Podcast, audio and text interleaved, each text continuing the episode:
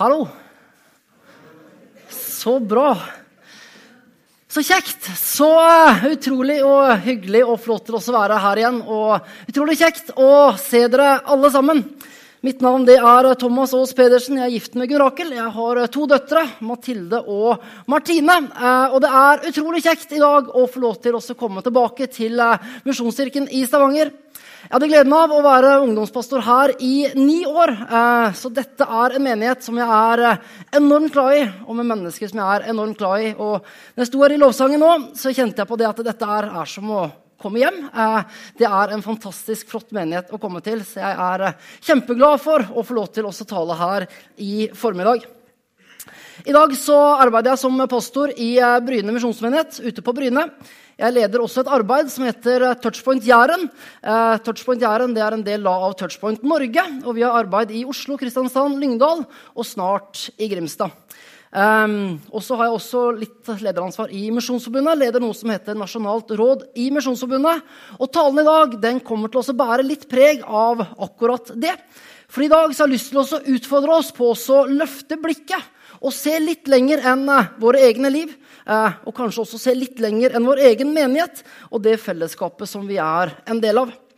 Ok, Det var litt innledning. Det var litt om meg. Som sagt, veldig kjekt å være her i dag. Eh, ja, dette har jeg gleda meg til lenge. Eh, absolutt. Eh, og så har jeg også lyst til å si for en eh, fantastisk flott menighet å komme til. Øyvind og gjengen i lovsang her. Bra. Kan vi ikke gi deg en god applaus? Det er bra å klappe litt i starten. Ja. Eh, og Frode og staben og lederskap alle, dere gjør en uh, fantastisk jobb her i menigheten. Og det er kjempekjekt å se den utvikling og se alt det som er. Heier på dere og ber for dere ofte. Ja. Ok, I fjor sommer så var Gunn Rakel, kona mi, uh, og meg og Mathilde vi var ute på en liten kjøretur. Det var varmt i været, det var sommer, og i baksetet som dere ser på tegningen her, så satt Mathilde. Og Mathilde hun satt i baksetet og koste seg.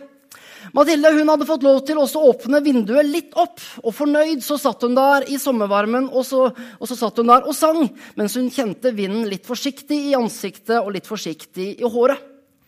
I hånda si så hadde hun det som var favorittbamsen for øyeblikket. Og det var en liten kenguru som var kjøpt i Australia.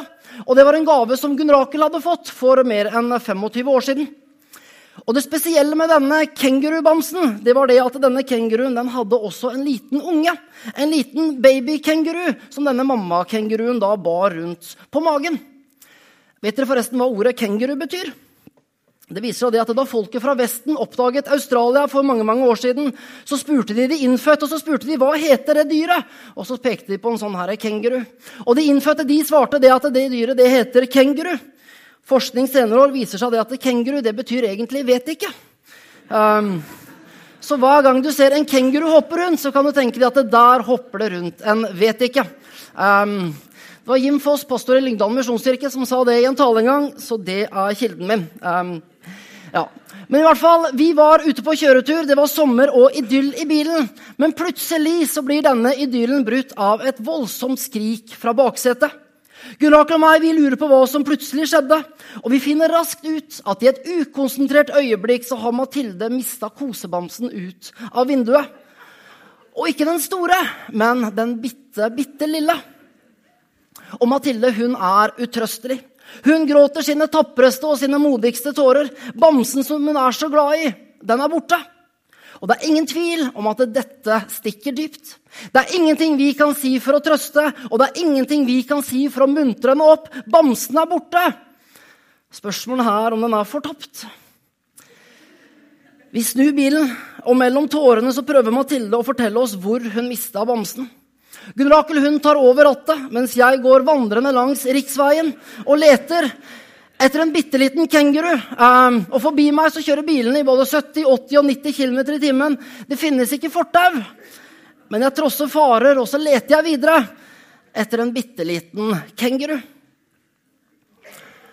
Etter lengre tid med leting så går jeg tilbake til bilen uten bamse.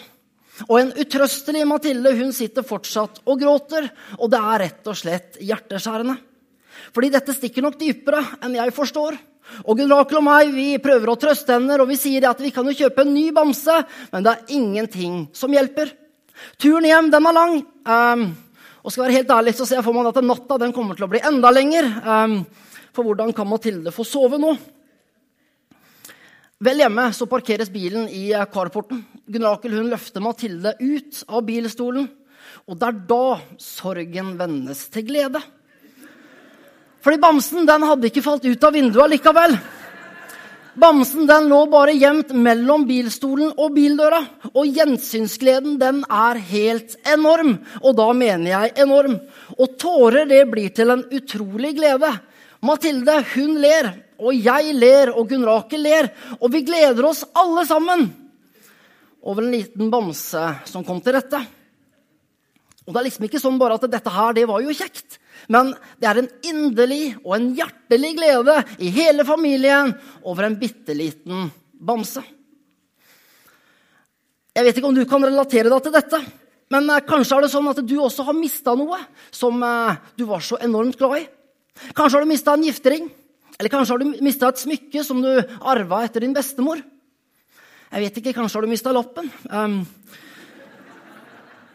eller kanskje en gang ute på tur eller ute på et lekeland.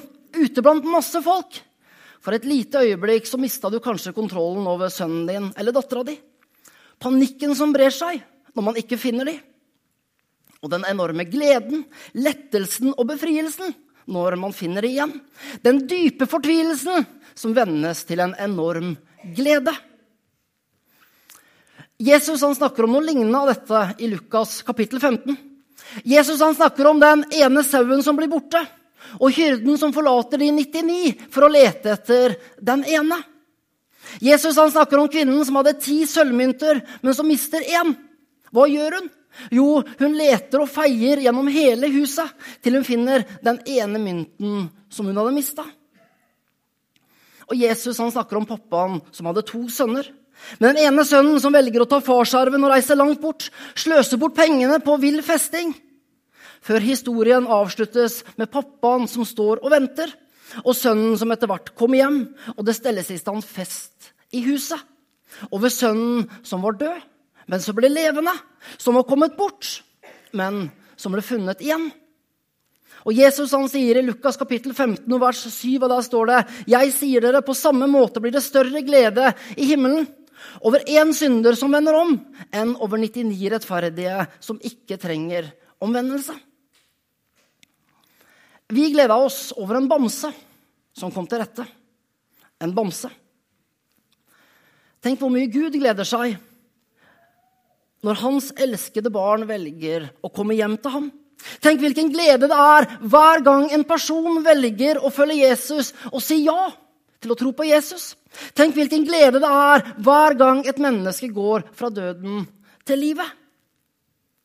Som kristne og som menighet så har vi gitt et oppdrag. Jesus han sier, Det er øverstkommanderende som taler, og Jesus han sier, 'Meg er gitt all makt i himmel og på jord'.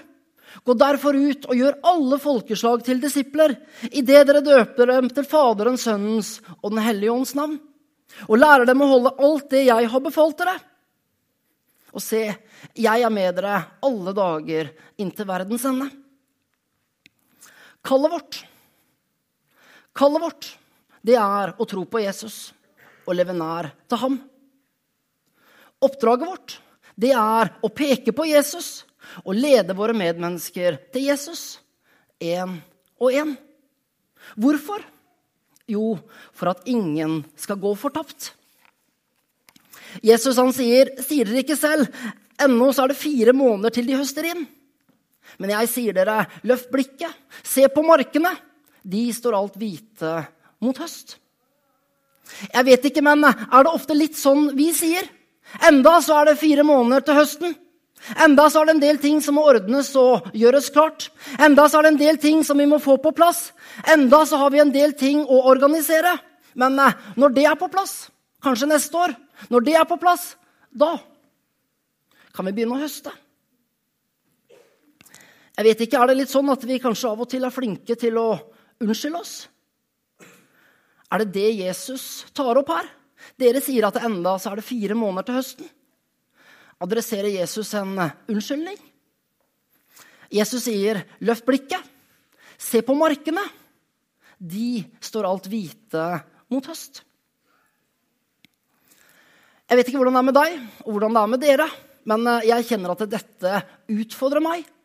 For gjennom mitt liv som kristen, gjennom mitt liv som pastor og som menighetsmann, så ser jeg det at, blitt, eh, jeg det at etter hvert så har vi blitt ganske gode på en del av disse menighetstingene.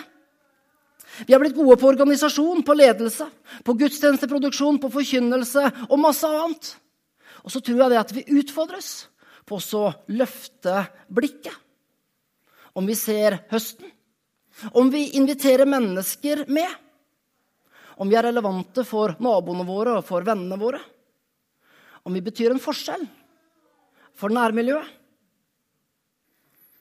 Eller er det sånn at i kirka så er vi stort sett sammen med våre kristne venner?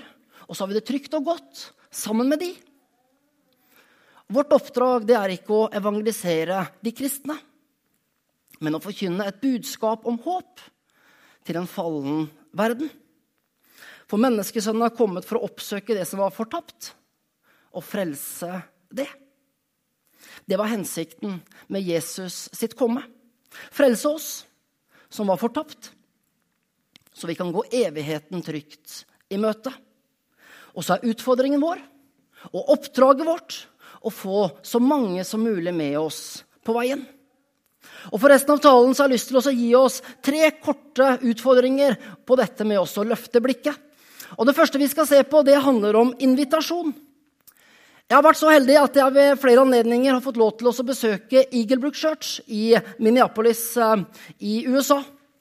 Eaglebrook er en Willow Creek-menighet, og i løpet av en helg så er de nært opptil 20 000 mennesker på gudstjeneste. Og Første gang som jeg var der, så var vi på, uh, på, omvisning på de ulike campuser. Vi fikk se de ulike kirkesaler med plass til flere tusen mennesker osv.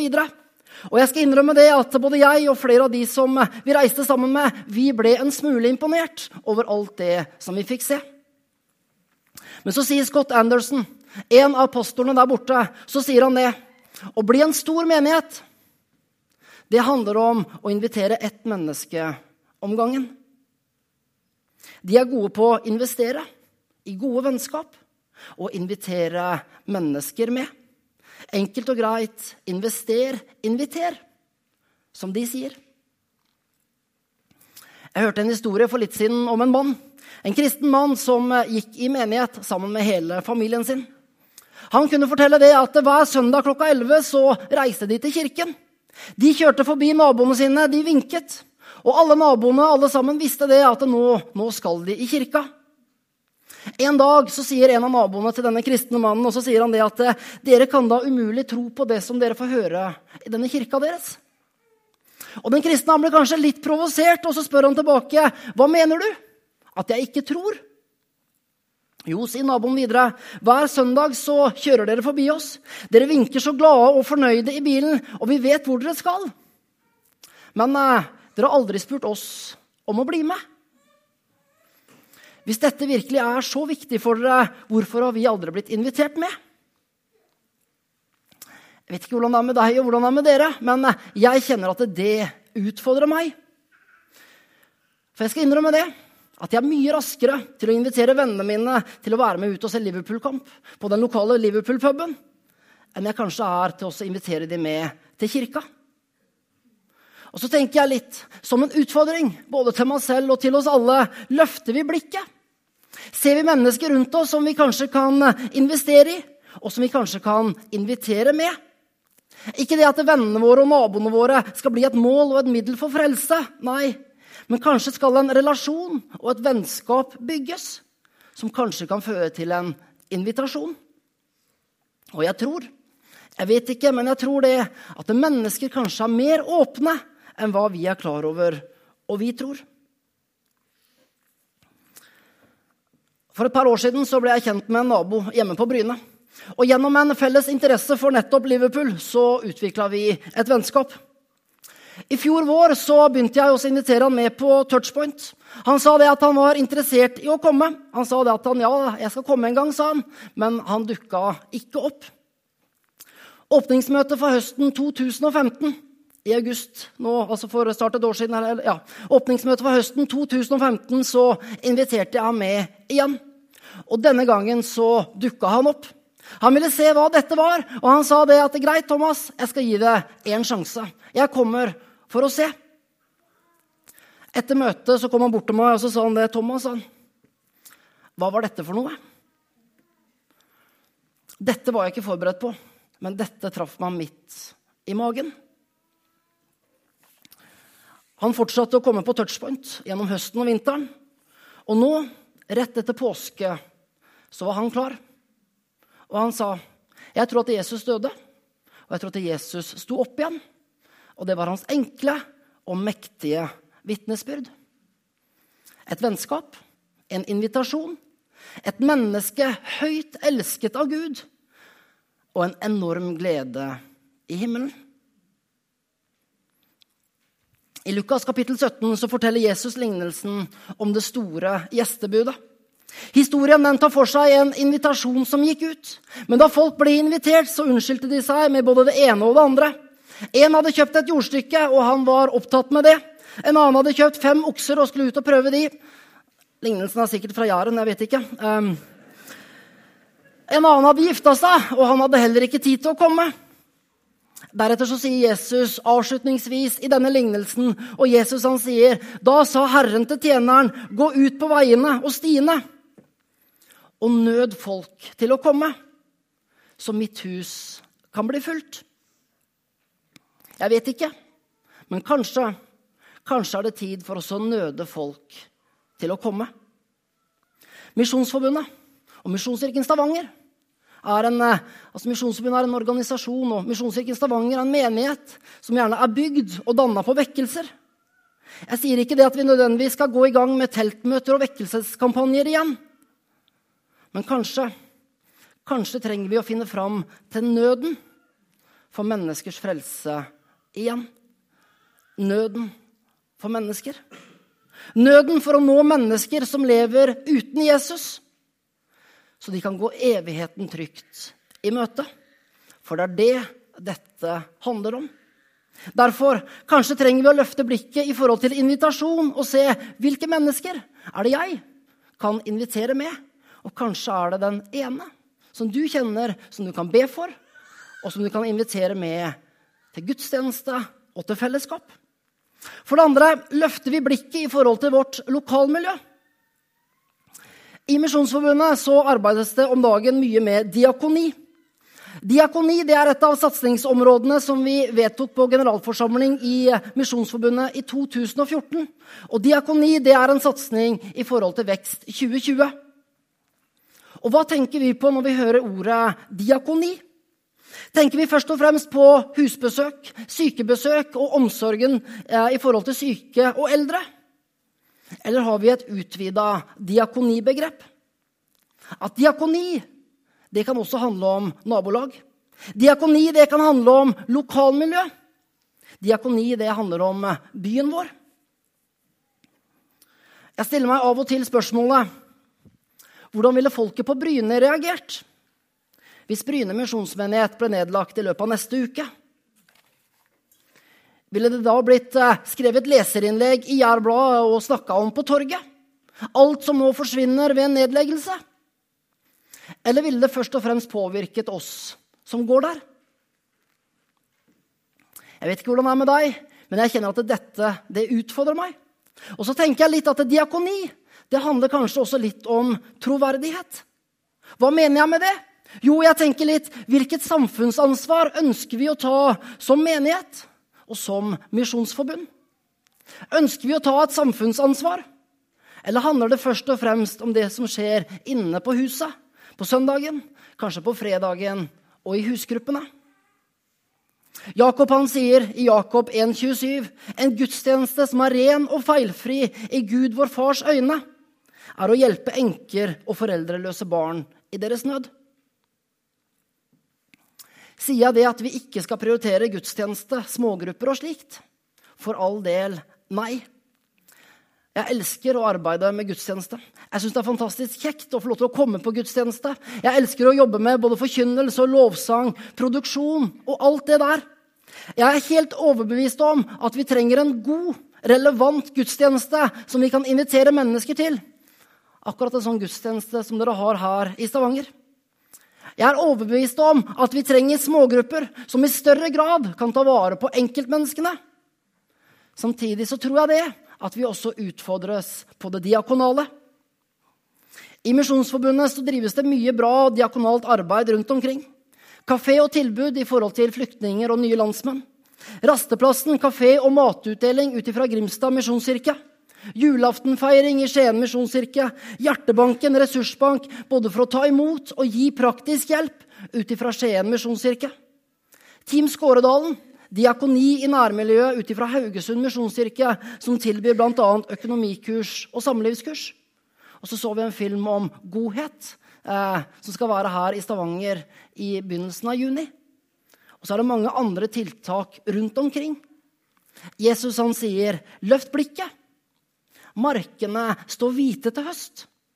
Og kanskje finnes det noen diakonale muligheter som vi kan ta tak i. Du og jeg, og vi som fellesskap, og vi som menighet. Ok. Så langt har vi sett på løft blikket i forhold til invitasjon. Vi har sett det i forhold til nærmiljøet. Og så til slutt, og det siste punktet vi skal se på, løft blikket i forhold til Norge og i forhold til landet vårt. Avslutningsvis er det aktuelt for oss å løfte blikket i forhold til Norge. Jeg har gleden av å lede Nasjonalt råd i Misjonsforbundet. Og I Nasjonalt råd har vi lest og arbeidet mye med apostelens gjerninger, kapittel 16, det siste året. Apostlenes gjerninger kapittel 16 det er historien om da Paulus kommer til Filippi, og evangeliet for første gang blir presentert i Europa. Apostlenes gjerninger kapittel 16 det er vår eh, aller første kirkehistorie, om du vil. Evangeliet sitt møte med Europa, og det var der det begynte for oss. Foranledningen for Paulus sin reise til Filippi det var det at han egentlig skulle reise til Asia. Men så står det det at Den hellige ånd ga dem ikke lov til å reise dit. Paulus og gjengen de hadde én retning. De skulle til Asia. Men eh, så skjedde det noe. Det ble forandring i planene, og plutselig så visste de ikke hvor de skulle. Men så leser vi Apostlenes gjerninger, kapittel 16, vers 9-10. Om natten så hadde Paulus et syn. Han så en makedonier som sto og kalte på ham og ba, 'Kom over til Makedonia og hjelp oss.' Da han hadde hatt dette synet, så forsøkte vi straks å komme til Makedonia, for vi skjønte at Gud hadde kalt oss til å forkynne evangeliet der. Ut ifra denne teksten så har vi i Nasjonalt råd arbeidet med det som vi har kalt for Makedonia-ropet. Og det vi ser, det er det at mange steder i Misjonsforbundet så gror det godt. Mange steder så er det en god vekst. Etablerte menigheter, etablerte menigheter som utvikles. Mange arbeider med menighetsskolen og utvikler seg gjennom det. Bryne misjonsmenighet og Misjonskirken Stavanger skal sammen på menighetsskolen til høsten. kommer til å bli kjempegøy og kjempespennende. Jeg gleder meg. Det plantes nye menigheter mange steder.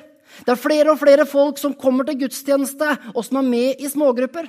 Det er vekst i Misjonsforbundet. Samtidig så er det også steder som sliter.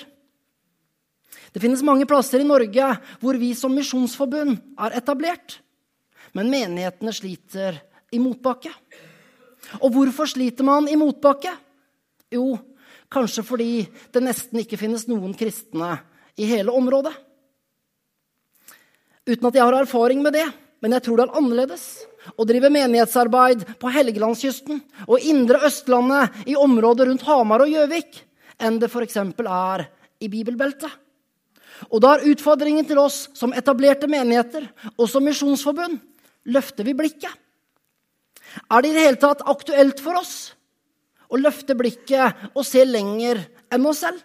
Er det aktuelt for oss å sende arbeidere, økonomiske midler, sende ressurser og være med å bygge og velsigne steder i landet vårt hvor det kanskje er tørke?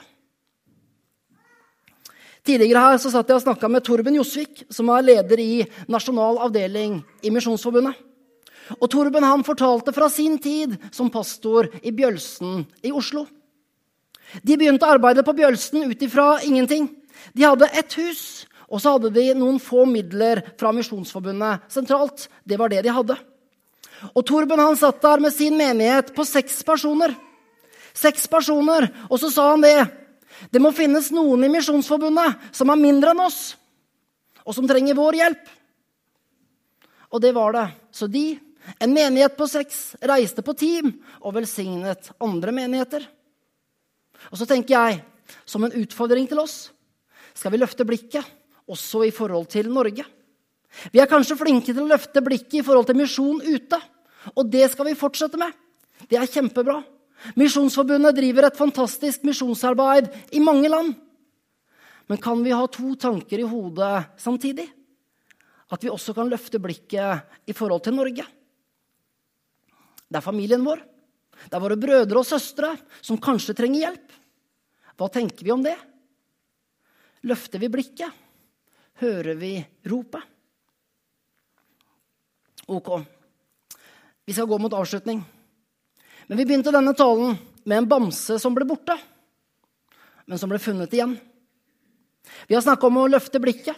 Løfte blikket både i forhold til invitasjon, i forhold til lokalmiljø og Norge. Og skal dette summeres opp, så handler det om én ting, og det handler om menneskers frelse. Visjonen til eh, Misjonsforbundet det er Guds barns enhet og menneskers frelse. Vi har ett hovedmål som menighet, og det er å vinne så mange som mulig, så mennesker kan gå evigheten trygt i møte. Peke på Jesus og lede våre medmennesker til ham.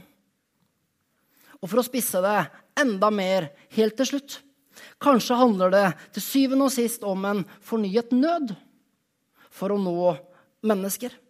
En lengsel og en nød for å se flere mennesker som tar imot Jesus som sin herre og frelser. En nød for familie og venner. En nød for nabolag, for by og land. Jeg vet ikke hvordan det er med deg, men jeg lengter etter, og jeg trenger en større nød i forhold til akkurat det. En enda større nød for å se mennesker kan gå fra døden til livet skal vi be sammen. Himmelske Far, jeg takker deg, Herre, for din godhet. Og jeg takker deg, Herre Jesus, for at du kom for å frelse oss som var fortapt. Og takk, Jesus, for at i deg så har vi fått nytt liv. Takk, Jesus, for at i deg så har vi tilgitt alle våre synder. I deg, Herre, så kan vi gå evigheten trygt i møte. I deg så trenger vi ikke frykte noen ting. Takk, Herre, for det livet som du har gitt oss. Takk, Herre, for det livet som, eh, som du levde, og alt det som du har gitt oss, Herre Jesus. Takk for det, Herre. Og så ber jeg, Herre, for oss alle sammen. Så ber jeg for oss alle sammen, Herre, at du skal gi oss en fornya nød. For å være med og lede våre medmennesker til deg, Herre. Så flere mennesker kan gå evigheten trygt i møte. Jeg ber om en tid, Herre, for Misjonskirken Stavanger. Jeg ber om en tid for Misjonsforbundet, Herre. At vi skal se det at i tida som kommer, og årene som kommer, så er det flere og flere mennesker som velger å si ja til deg, og tro på deg og leve livet sammen med deg. Og jeg ber, Herre, at du skal vekke opp en nød i mitt liv, Herre. Og jeg ber at du skal vekke opp en, opp en nød i våre liv og i våre menigheters liv, Herre. Så, så det ikke handler først og fremst om oss, men det handler om mennesker som vi kan få med, så mennesker kan gå evigheten trygt i møte. Jeg ber om det, Herre, i Jesu navn. Gi oss en fornya nød, Herre. Takk, Jesus. Takk, Jesus. Og så vil jeg igjen, Herre, takke deg, Herre, for det livet som du har gitt oss. Og så ber jeg, Herre, at eh, det vi har prata om i dag, det skal ikke bli et stress og det skal ikke bli et press, men det skal være noe som bare flyter naturlig ut ifra livene våre. For du har kalt oss til deg, og du har kalt oss til å hvile hos deg og være hos deg. Og jeg ber, Herre, at eh, oppstandelseslivet det kan få lov til å virke ut gjennom livene våre, Herre, i Jesu navn. Gi oss en fornya nød, Herre Jesus.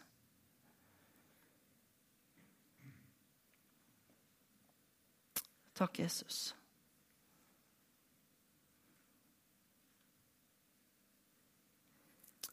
Takk, Jesus. Kom, Herre. Kom du, Herre, akkurat nå, i Jesu navn. Takk, Jesus. Kom, Herre. I Jesu navn.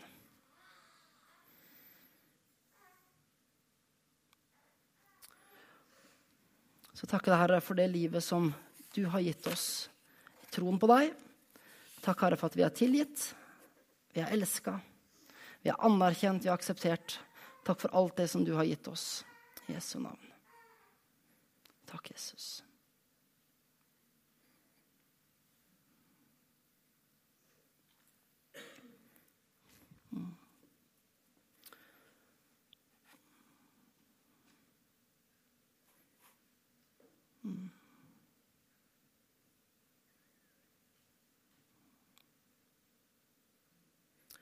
Amen.